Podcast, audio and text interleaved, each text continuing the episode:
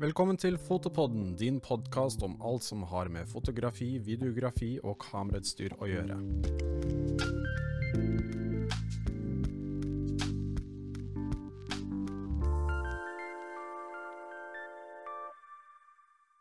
Ja, Henrik. Ja. Da er vi her igjen. Ja. Hva skal vi prate om i dag, da? Uh, nei, nei, vi skal prate om Fuji. Fuji? Ja, Ja. men det høres ut som en god idé. Nye GFX 100S. GFX 100S. Ja. Som vi Nice. ikke har her. Jo, vi har den, men den er usynlig. Vi har fått et usynlig eksemplar faktisk Ja. av GFX 100S. Stealth-eksemplar. Yeah. Ja, den er litt sånn Den skulle vi egentlig ikke snakke om, da. Å nei. Å, søren. Nei, vi har ingen GFX 100S. Nei, nei. nei. Nei ingen. GFX 100S. Nei. Vi har fått leke litt med den. Ja. Vi var så heldige å få et. Unnskyld. Få låne et eksemplar av Fujifilm. Ja. som vi kunne få leke oss med et par dager. Så det er jo ikke noe fullstendig test på noen som helst måte, men vi har fått et inntrykk. ja. Og nå i dag, som det er den 4. mars, og vi tar opp dette her, så er det jo fortsatt ikke noe støtte for de råfilene i Capture One eller Lightroom. Nei. Så Jeg vet ikke om noen har hacka det. Jeg prøvde å gå inn og endre noe, X, noe Ja. XIF-data for å si at det var en GFX 100, ikke GFX 100S, for å se om noe da ville åpne, men det funka ikke. Nei, For det burde være samme råfilene som GFX 100, burde Det det ikke det? Det er samme innmaten, men det er jo forskjellig firmware, da, og det er sikkert Ja. det som gjør det. At filene er jo litt annerledes. Ja. Men det er sikkert bare en bagatell, egentlig, da. Egentlig. Men råfilene har jeg ikke fått sett på. Nei, Men, men vi kjenner jo den innmaten. ja, altså basically så er jo bildekvaliteten akkurat den samme som på GFX 100. For det er samme Ja. prosessor, og det er samme bildebrikke, og du setter på samme optikken, Mm. så blir det det samme med mindre de har gjort noen store endringer på algoritmene. Ja. Men det blir i hvert fall ikke noe dårligere enn det var på Nei, nei. GFX 100. Og det sier jo litt, for den var jo innafor, den. ja, det vil jeg jo si. Det er jo kanskje det heftigste digitalkameraet som er mulig for holdt- jeg på å si hvermannsen å, å eie. Ja, for den koster bare en fire-fem månedslønner, liksom, den forrige. Så, Ja, altså, men i forhold til eh, liksom Hasselblad og Face One og sånt, så er det jo en, et varp, rett og slett. Ja. Det det. Altså Det som skiller den da fra alle andre kameraer med CMOS-brikke, det er jo at den har ekte 16-bits-farger. Mm. Og det hadde vi ikke sett på CMOS-brikker før, uh, før GFX 100. Nei.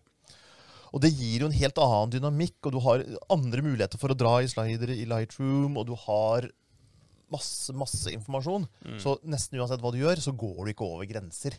Og det gir deg enorme muligheter, rett og slett. Og det har vi da tidligere bare hatt på Hasselblad og Face One, som bruker CCD-brikker, Ja. men som har andre ulemper da, med CCD-brikkene. Ja. De er ikke så kule å bruke på høy ISO, f.eks. Nei, for eksempel. Det går veldig fint med GFX-systemet. Ikke er det så gøy å filme med heller. Nei. Um, så, så det var jo veldig spennende. Men kameraet var stort, Mm. og selv om det var 16-bit, og du egentlig i de fleste tilfeller kunne sammenligne det med de store Hasselbladene og Face One, så var det jo relativt kostbart. da. Altså Det var 120 000 for huset, og det er jo begrensa hvem som kan eller vil bruke 120 000 kroner på et kamerahus. Ja, det er det jo. Og så, som du sier, det med størrelse altså, Det er litt sånn stasjonært kamera. Ja. Uh, rett og slett pga. størrelsen. Samtidig så var det jo ting ved det som var laget for at det ikke skulle være så stasjonært. Altså Mm. med bildestabilisator i huset og den der kjappe responsen osv. Så, videre. Ja. så det ble Det var jo et fantastisk kamera, men det var jo i størrelse like stort som 1DX og D5 og disse her. Ja, det var jo Og prismessig 50% over dem. Ja. Og da er det Da skal du leve av det. Mm, Ja. Du skal nesten det. det hvis, altså, da Fuji lanserte GFX-systemet, så så du jo fort at det var veldig mange ikke-proffbrukere som Mm. kjøpte. Altså hobbyfotografer, særlig til landskap og sånn. Mm. Men med GFX 100 så tror jeg ikke den har blitt solgt så mye til den typen brukere. Nei, det er en og annen Ja. gal mann, men Ja. eh, Og det er jo bra for så vidt, det, altså. Men øh, nei, det har nok ikke vært like mye ut på tur hjemme til hobbybrukere som det 50 og 50R men har vært. Jeg var, jo, jeg var jo i Japan på lansering av GFX 100, og Mm. jeg har vel sjelden blitt så forelska i et kamera som det jeg ble i GFX 100. Altså, det, var, eh, det var en åpenbaring. Mm. Men selvfølgelig, det var jo ikke perfekt. Nei, nei, nei. Men er det det de har gjort nå, da? I, kanskje. Det, det finnes jo ikke noe perfekt kamera, syns jeg. da. Også hovedsakelig fordi at folk er jo så forskjellige. Men de har gjort veldig, veldig mye. Og jeg vil tørre å påstå at så lenge ikke du trenger 20 bilder i sekundet, 8K-video og sånne ting, eh, men heller skal ha den beste bildekvaliteten, Mm. så er dette farlig nært perfekt, altså. Ja, for du har jo en seriebildehastighet som er Fem? fem, ja. Fem Det er vel. For ti år siden var det helt greit. Ja, ja, ja. Og videoen, altså du kan jo si at eh, nei, du har ikke 8K, men Nei. du har 4K 30P, og du har den største bildebrikka du kan filme med, bortsett fra Arri 65. Ja. Og Arri 65 har ikke engang Universal Studios. Nei. Den må de leie når de skal bruke den. Ja. Så det er, det er jo grei videofunksjon også. Ja, ja, absolutt. Og håndholdt også, med stabilisator, Mm. som enda er litt bedre enn det den var på GFX 100. Ja, vi kan jo ta forskjellene på disse kameraene. Ja. Det er, Ja. Fysiske forskjeller er jo åpenbare når man ser på bilder av dem. ja. Det, Eller se Å nei, det var, vi hadde ikke Nei, det var skjønt. Ja. Eh, og 100 er jo mye mindre. Den har ikke innebygd batterigrep. Du kan ikke ta av søkeren og putte på det der vinkelleddet. Nei. Uh, den søkeren sitter fast. Og søkeren er litt mindre og enklere å se den for. ja, det, Den føles egentlig som en litt stor XH1, syns jeg. 100 S. Ja. Eh, og du kan ikke sette på batterigrep heller, men du kan sette på et lite arkagrep som Fuji lager. uh, for å få litt mer eh, Hva skal vi si grep på den. Eh, Men grepet som er, er jo veldig godt. Ja. Jeg syns det ligger veldig veldig godt i hånda. Og jeg fant en kollega som har vesentlig mindre hender enn meg, og spurte henne hvordan hun syns det lå i hånda. Og hun syns også det lå veldig godt i hånda. Så det er klart å få til en sånn at det ligger godt i hånda både for relativt store never og relativt små never. ja. Og det, det er jo heller ikke så verst, altså. Nei. Eh, og alle knappene sitter der de skal, syns jeg. altså. Ja. Eh, og jeg ble veldig overrasket over hvor stille eh, lukkeren var. For den lager jo nesten ikke lyd. Nei, den lager nesten ikke lyd. Knappene ligger jo egentlig bedre enn på GFX 100 også. På GFX Ja. 100 så var de strødd litt rundt omkring. De hadde så mye plass. Ja. At de plasserte dem rundt der hvor de hadde plass. Og så ble de vanskelig tilgjengelig for de, det aller meste. Mm. Og ofte tenker man at jo større kamera, jo bedre ergonomi, for du har mer plass til å plassere knappene på riktig sted. Men de hadde i stedet brukt plassen til å plassere dem på feil sted. Mm. Mens nå har de gått litt tilbake igjen på det. Og jeg syns det fungerer egentlig bedre enn på GFX 100. Det syns jeg også. Og den nye joysticken, den er mye, mye større, Uh, større gripeoverflate. Ja. Eh, den syns jeg fungerte veldig, veldig bra. Lettere å bruke med hansker. Ja, ja, mye lettere å bruke med hansker, noe jeg merka med en gang. Eh, så nei, de har fått til dette her bra. Og så skal det jo sies at det batterigrepet, eller vertikalgrepet som var på GFX 100, det var jo det tristeste vertikalgrepet vi har sett. Det var litt sånn kantete. Det var kantete og veldig lite, så det var mye mye dårligere grep den veien enn det var den veien. Ja. Og jeg syns ikke det var noe. Så fordelen var at du hadde to batterier i det, så, så du hadde dobbel batterilevetid. Mm. Men, øh, men, ellers så må jeg innrømme at jeg savner ikke det. altså. Men du har jo fått nye batterier også. Du har fått nye batterier. GFX Eller nye og nye. Du har fått øh, de samme som i GFX T4. Mm. Så det er litt mer strøm i dem. Ja. Og det er moderne batteriteknologi. Det leveres ikke med batterilader med kamera. Nei. Den kan lade med USB, eller du kan kjøpe til en sånn dobbeltlader som, som Fuji tilbyr. Mm. Eh, det tror jeg nesten er et must. altså.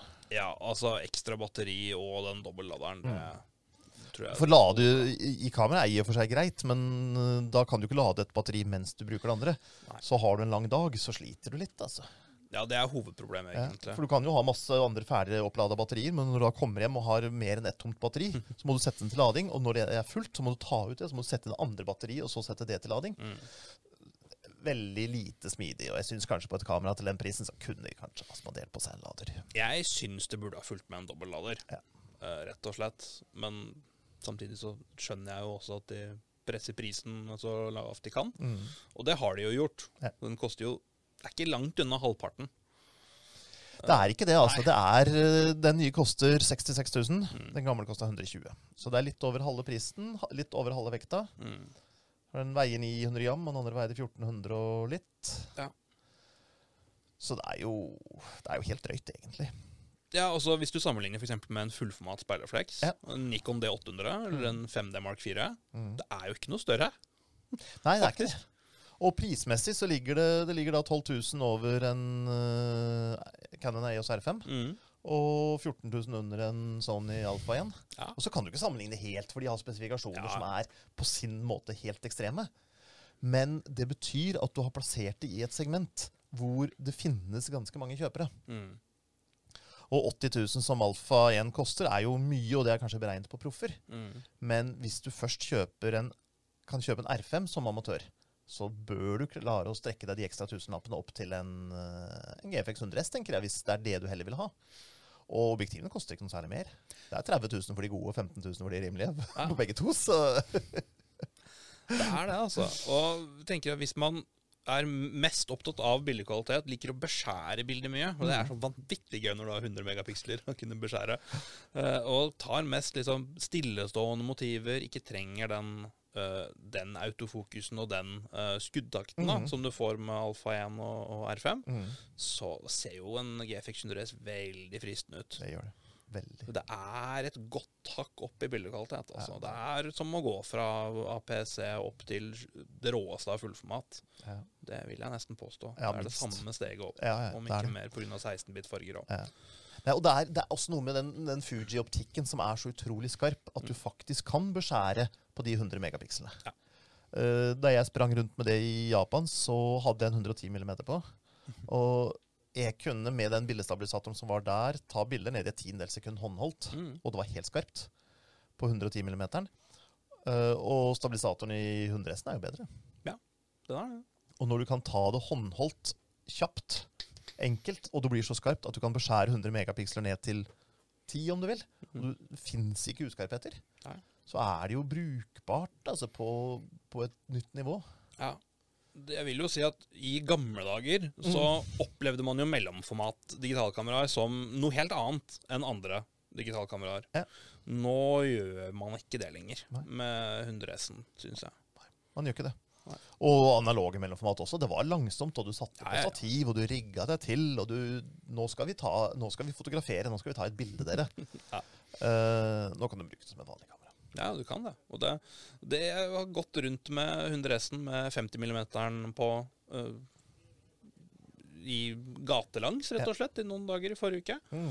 Uh, ikke noe problem sånn vektmessig, eller merka ikke noe forskjell fra å gå rundt med egentlig et normalt Og 50 mm er jo liten. Ja, ja, Det er jo nærmest man kommer hva skal kalle det, ja, det er en amerikansk pannekake, vil jeg si. Men, ja. Og den er jo laget for å være liten, men den, den matcher veldig fint. Ja. For du får jo utrolig kompakt system. Altså kunne rusle rundt og bruke det som et gatefotokamera og knipse, egentlig. Ja. Med mellomformat. Det er veldig, veldig gøy. Og da savner du heller ikke i like stor grad å ha en TL eller en zoom, for du kan beskjære så mye. Ja. Så da, ok, en 50 mm, det blir jo sånn rundt røftlig en 40 mm i fullformat. Mm. Så det blir jo en ordentlig normal, egentlig. Eh, men du savner ikke å ha noe typ 85 mm tilsvarende eller noe sånt, egentlig. Med, med tanke på detaljer. Nei, den, den dekker jo en del områder. Altså skal du ta lite samarbeidsvillig småfugl, så trenger du den kanskje litt lenger enn 50 mm. Men det eh, det er kanskje ikke først og fremst kamera for det heller. Nei, det går an, går men eh, det er nok ikke, er nok ikke det. Nei. Men bevares, jeg hadde jo prøvd. Hadde jeg hatt det og hatt de lengste objektivene, Du har sett hvor langt jeg kom. Ja, som med 250 mm pluss en telekonverter, Mm, så kommer du jo et stykke. du gjør det. Ja, du må liksom ikke passe på at småfuglen er utstoppet for å få fotografert den. Nei. Nei, så, så jeg, jeg, jeg, jeg liker jo veldig mye med det kameraet. Og søkeren, ja, den er mindre. Mm. Um, har du noen gang brukt den vinkelgreia? Ja. Du har det? Ja, ville du savna det? Nei. Nei. Uh, rett og slett fordi at i de tilfellene der jeg har brukt den vinkelgreia, Mm. Eh, så kan man også bare bruke vippeskjermen. Ja. Eh, Med mindre det er ekstremt sterkt lys eller et eller annet sånt. men da har, jeg, da har man stort sett muligheten til å skygge litt for med Ja. hånd, og så ser man sånn cirka åssen det ser ut. Mm. Og så kan man heller sørge for at man tar et bilde som er kanskje med litt lengre avstand enn man har tenkt, slik at man kan beskjære litt og rotere litt og fikse litt etterpå. Mm. Det er noe av fordelen med oppløsningen også. Ja. Så. Og, og så har søkerne kommet nærmere inntil kamerahuset. Mm, Altså Jeg følte jo på GFX 100, så var jo tuten mm, så lang at jeg følte jeg sto og holdt kamera der. Jeg mm. følte ikke jeg fikk den støtten omtrent. Altså Det var sånn nesten så det, det ble litt for langt unna. Eh, Så jeg liker det egentlig nærmere. Så er det heller, får man heller få nesemerker på skjermen. Men eh, Ja, den er jo ikke så nærme som et bitte lite kompaktkamera heller. det er det ikke. du skal ha ganske stor nese for å få nesemerker på skjermen. Det gjelder litt altså. hvor mye man ljuger, vet du. Hvor lang Ja. nese man har. Så. Ja. ikke sant. Nei, det Jeg syns egentlig ikke det er noe særlig ulemper med den fremfor eh, X, nei, GFX 100. Jeg syns ikke det. Nei, jeg kunne godt tenke meg størrelsen på søkeren. Ja. Det, Og det ville jeg hatt. oppløsningen også, Og oppløsningen eh, på søkeren. for den er bedre på GFX 100. Det er den. Men det er en lav pris å betale for å spare 55 000 kroner og drøyt halvkilo vekt og Ja, Det er det, altså. det er det. Du kan få mye optikk for de pengene. Ja, Så får du jo alt det andre. altså Bedre ergonomi og bedre bildestabilisator og bedre batteri og bedre ganske mye. Ja, og hvis du går rundt uh, på gata med en GFX 100 over skulderen, Mm. så uansett hva Selv om du sitter på 50 mm, Ja. så er liksom Går folk rundt og Å ja, der er han proffotografen som går rundt og tar noen pressebilder eller noe sånt. Altså, Mm. Det ser jo såpass svært og ordentlig ut. Det er litt skremmende hvis du prøver å ta bilde av folk. Ja, det er Det blir det. litt- Sånn tank, tank, tank, Ja. ikke sant? Ikke skyt nå, det har ikke gjort noe nesten så du blir stoppa av politiet fordi de tror du går rundt med våpen. Ja. Eh, Men eh, med 100 så er ikke det noe problem. Det er som å ha en speilrefleks uh, pga. størrelsen. Det er jo ofte, ja. Men selvfølgelig, objektivene er jo større enn Jo, jo. på et fullformatkamera. Ja. Det, det kommer vi ikke unna. Nei. Og ikke så lyssterke. Og ikke så lyssterke. Nå er det jo kommet en, en 80 mm blender 1.7. Ja. Som er det mest lyssterke, i hvert fall autofokusobjektivet. Det er faktisk det, ja. Det er vel et av de mest lyssterke objektivene til mellomformat, punktum. Ja. Men ikke det aller mest, da. Nei. Hvis du Hvis man drøyer den. Men, men 1.7 på 80 mm er jo ikke spesielt lyssterkt. Nei Altså Skal du ha ekstremt liten dybdeskarphet På den annen side så, Så- er det kanskje litt å banne i kjerka å si det, men eh, det med ekstremt tynn dybdeskarphet er vel litt oppskrytt også, i mange tilfeller.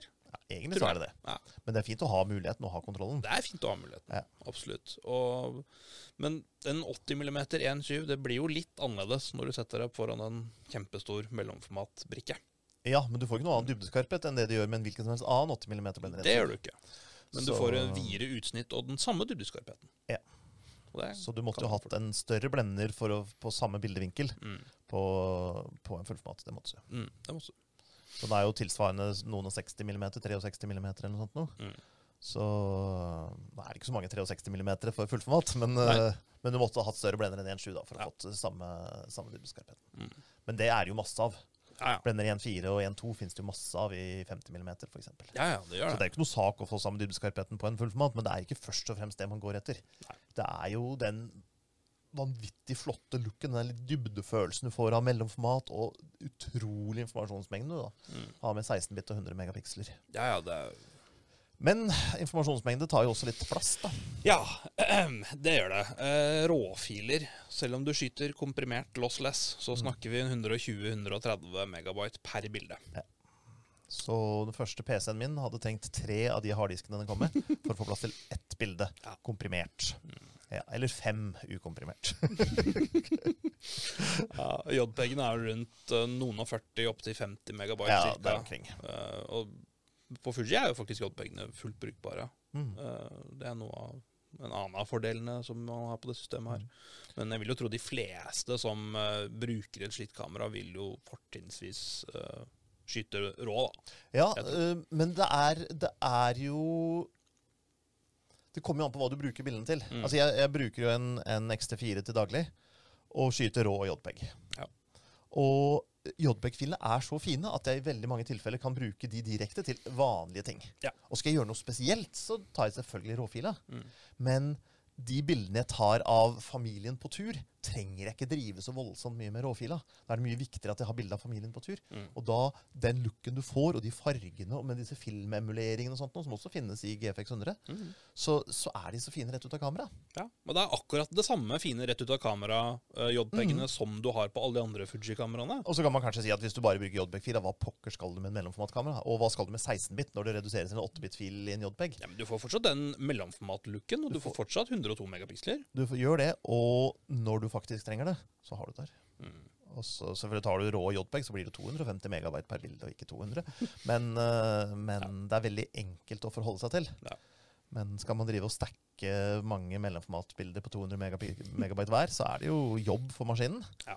Men det er Jeg prøvde å ha noen offline og så bla gjennom og se. Det var ingen kjempesuksess. Altså. Nei. Nei, jeg tok jo også brukte et litt tregt minnekort da jeg prøvde. det var litt sånn Jeg sto og venta Ja, på så sto jeg skriving av og til. Ja, skal vi ta en kopp kaffe mens vi venter på at det Jeg hadde heldigvis ikke planlagt noe sånn sportsfoto, Nei. eh, så det ble liksom ett bilde av gangen. Men uh, minnekortet var liksom ikke helt uh, riktig da for det kameraet. Så kjøp et kjapt minnekort. Ja. Og på video så tar det opptil 400 megabit per sekund, så Ja. trenger man i hvert fall et V60-kort. Burde ha et V90-kort. V90 tror jeg kanskje er greit, altså, for å få skufla unna de datamengdene. Ja, du får tømt bufferen fortere også. Ja. Og minnekort koster jo Det er jo SD-kort, Ja, ja. så det er koster jo ingenting sammenlignet med kamera og det andre du skal ha. Nei. Så det, det tror jeg ikke det er det, det det skal stå på. Nei, Nei. men ordentlig minnekort eh, Det er som å kjøpe skikkelig dårlig dekk på den nye Porschen. Det Mm. er ikke så lurt. Nei. Det er ikke det. Nei, så, så jeg må jo si at jeg er eh, er litt forelska igjen, sånn som jeg var i GFX 100. Ja. Men uh, som jeg sa i forrige podkast, så jeg har fått meg en ny kjæreste. Den er yngre, slankere og billigere i drift. ikke sant? Nei, altså, jeg føler jo i hvert fall at uh, da, da GFX 100 kom, så følte jeg at dette var jo kanskje verdens beste kamera på mange måter, Mm. men det var helt uoppnåelig for mange, inkludert meg selv. Jeg kan ikke bruke 120 000 på et kamera, altså det, det går ikke. Pluss optikk. Pluss optikk. Men med 100 S-en Mm. så føler jeg ikke det på samme måte. Jeg føler at dette er faktisk et oppnåelig kamera. Mm. Koster fortsatt mye penger, men det er jo mm, mulig å få til da, for oss vanlige dødelige. Bare sjekke hvor mange måneder kone og ungen er interessert i å spise havregrøt til eh, både frokost, middags og kvelds. Ja. Så får vi til det. Er ikke sant. Mm. Uh, og det med litt bedre ergonomi, og egentlig ganske mye bedre ergonomi på mange områder. Det, ja. Men jeg tenker mye det at du, du, du kan ta det med deg. Mm. Det er litt sånn OK, men så tar jeg med kamera. Ja. Jeg prøvde å putte i en lomme, og det er ikke et lommekamera. Nei, nei. ikke et Hvis du har kjempestore jakkelommer Ja, eller Så busslomme. Ja, en Ja, da går det. ja. Men, eh, men det er en helt annen greie. Det føles i hvert fall som en helt annen greie. Mm. Og så kan du si at hvis du likevel pakker med deg tre objektiver, så er ikke de 500 grammene forskjell i, i vekt på huset det helt store. Nei. Men det der med å, å ta det med når du likevel går ut, det er veldig veldig mye enklere. Mm. Og Særlig hvis du har et av de mindre objektivene, som f.eks. 50 mm. Ja. Eller Så er det 63-en. Den er heller ikke kjempestor. Mm, nei. Mm. Så, så da fungerer det på en, på en litt annen måte, da. Så det blir en litt annen type kamera å bruke. Ja. Samtidig så kan du bruke det til alt det gamle. Selvfølgelig. Og nå, jeg vet ikke, hvordan er, hvordan er kunder hos fotografer nå? Før så var det jo sånn at de mer eller mindre kunne fakturere per kilo eller per liter fotoutstyr de satte opp. Ja, omtrent. Så de ville ikke ha små kameraer, for da så det ikke seriøst ut. Nei. Men det er kanskje blitt litt bedre? Det har jeg litt inntrykk av, men Mm. det er nok fortsatt litt sånn at uh, stort og, og stilig utstyr uh, ser litt mer seriøst ut, på en Ja. måte. Nå vil jeg jo ikke si at det ser useriøst ut på noen måte heller. Det gjør jo ikke det. det er jo det er jo ikke noe lommekamera. Det er jo Nei. som sagt ikke det. Men uh, det var jo Går du fem til ti år tilbake, så kunne jo ikke I hvert fall fem år tilbake, så kunne jo ikke de som tok bilde av den de fakturerte, Mm. kunne jo ikke bruke speilrøse kameraer, for de var for små. De måtte bruke speilrefleks. Mens de som tok bilde av noe annet enn den som fakturerte, Mm. eller enn den de fakturerte, Ja. kunne bruke sperra De kunne bruke hva de ville. Ja. Ja. Er det noe vi burde ha toucha innpå som vi ikke har? Jeg tenker at vi Altså, hva eller hva slags brukere appellerer dette kameraet til? Er Ja. dette et kamera som kommer til å stjele kunder fra andre merker, eh, kanskje? Det er jo helt klart at de har retta det inn mot fullformatbrukere. Ja. Fordi prisen er jo lagt der, i det området. Og det er gjort så lite som mulig, osv., så, videre, så skal direkte konkurrere på mange områder. Og de kommer jo til å selge blant noen av de, men jeg tror ikke det Jeg tror ærlig talt ikke Canon og Nikon og Sony kommer til å merke det. Nei. For de volumene blir det ikke. Nei. Så det blir nok en bra greie for Fujifilm, men jeg tror ikke det blir noe stort tap for de andre. Da Nei. kan man jo si at da er det jo kjempefint for alle Mm. Så vil de nok kanskje ta noen av disse uh, Hasselblad og Face One-brukerne. Ja. For noen av dem merker at å holde oppdatert det utstyret der, det er kostbart, altså. Det er kostbart. Skal du ha den nye, nye bakstykket eller det nye kameraet, Mm. så er det mange, mange hundre tusen kroner. Ja. Og skal du ha et nytt objektiv, så er ikke det billig heller. Og du har jo, sant, nå har du jo 400 megapixel-mulighet på dem. Ja. Du kan ta 16 bilder. Da må du ha stativ, og du må ha stillestående motiv. Mm. Men da tar den 16 bilder etter hverandre, så du får full fargesampling og 400 megapiksler. Du får faktisk alle de dataene.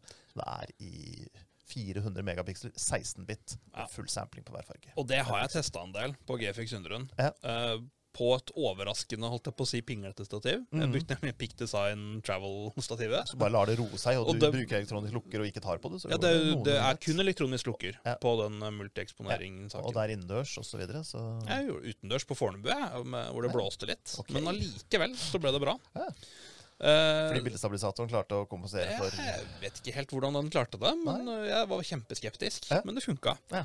Eh, det jeg ble mest overrasket over, var altså Hvis du tar et vanlig bilde Mm. med sånn type kamera, eller egentlig uansett hva slags type kamera, selv på lav ISO, når du sitter og titter 200-300% i Lightroom eller Capture One, så, så er det litt støy rundt omkring uansett. mm.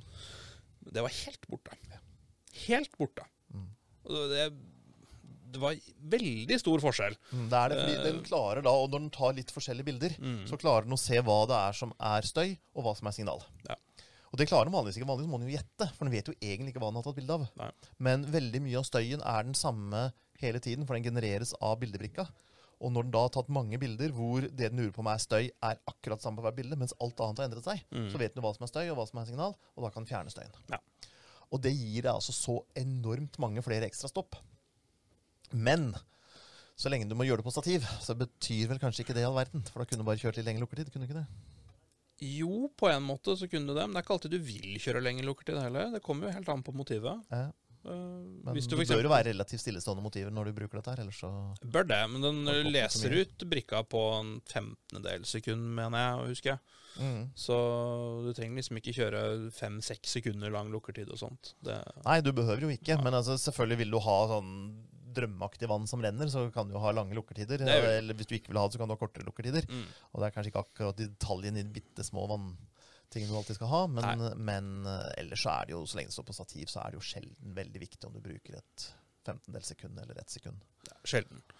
Eh, Men til type arkitekturfoto og ting som står stille, er det helt vanvittig morsomt å ha med seg et stativ Mm. og bruke den 400 megapixel-funksjonen. Ja. Det tar jo veldig mye plass da, når du skal ta 16 råbilder. Det gjør det. Så det blir jo 16 bilder av 130 megabyte. Og så kan ikke kamera tygge disse filene helt ferdig i kamera, Nei. eh, sånn som en del andre merker kan. Uh, du må bruke Fujifilm sin software Mm. Uh, og liksom si 'her er bildene på datamaskinen', og så tygger den gjennom og lager filer til deg. Så det er litt mer kronglete etterarbeid, men ikke noe stort problem. Nei, Men eh, det er jo det er utrolig, altså 400 megapiksler. Og skal du ta detaljer Mm. Det brukes jo disse, disse Hasselblad 400 megapiksler og sånn, brukes jo mye av institusjonsfotografer. Ja. Når noen har funnet et potteskår i en utgraving, så skal Ja. man ta alle detaljer, så de slipper å sende potteskår rundt omkring. Men det kan studeres uten. Og til sånne ting så er det jo genialt. Og de har jo brukt hundretusenvis av kroner på sånne kameraer tidligere. Mm. Og hvis noen kan klare seg med 60 og litt billigere optikk, Ja, så absolutt. er jo det tror jeg, jeg tror de tar, kommer til å ta mye fra, fra Hasselblad Face One. Altså. Ja, Samtidig så får da de som eventuelt trenger den typen foto, får da bytte ut blitsene sine og investere litt penger i LED-lys istedenfor. For dette funker ikke ordentlig med blits. Uh, Pga. på grunn av at du bare kan bruke elektronisk lukker. Ja.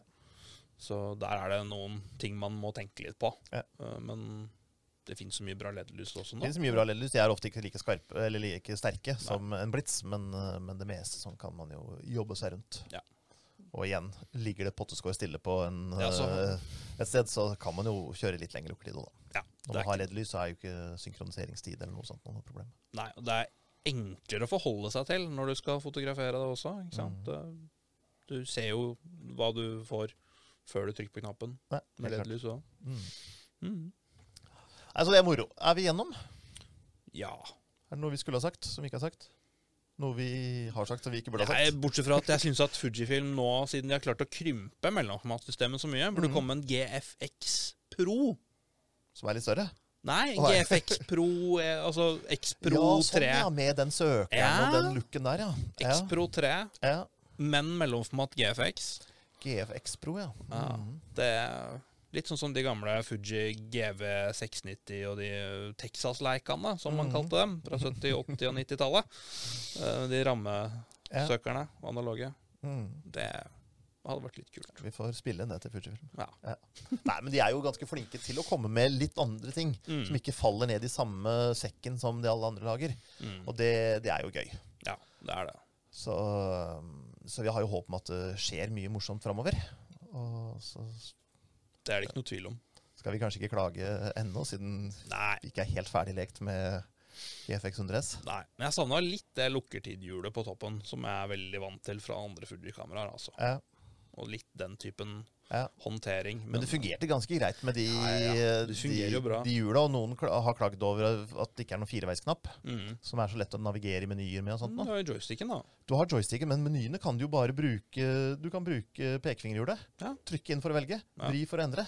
Trykke, velge. Vri for å endre. Det er utrolig kjapt og greit. altså. Ja, og så kan du flytte hele sider med tommelhjula. Ja. Så det funker veldig greit, det òg. Det gjør det. Mm. Yes. Nei, men Nei. Uh, vi får det inn på demo. Vi vet Ja. ikke helt når ennå. Nei. Nå er jo butikken på, i Barcode er under ombygging, så Mm. der er det ikke noe demo i det hele tatt. Nei. Dessuten er jo butikker i Norge stengt, i hvert fall i Oslo stengt, så der er det, derfor er det heller ikke noe butikk. Nei. Men når verden blir et bedre sted å være, Mm. uh, forhåpentligvis om ikke så veldig lenge, så bør vi ha noe. Ja, Absolutt. Og med litt flaks allerede til vårmessa, som begynner 13.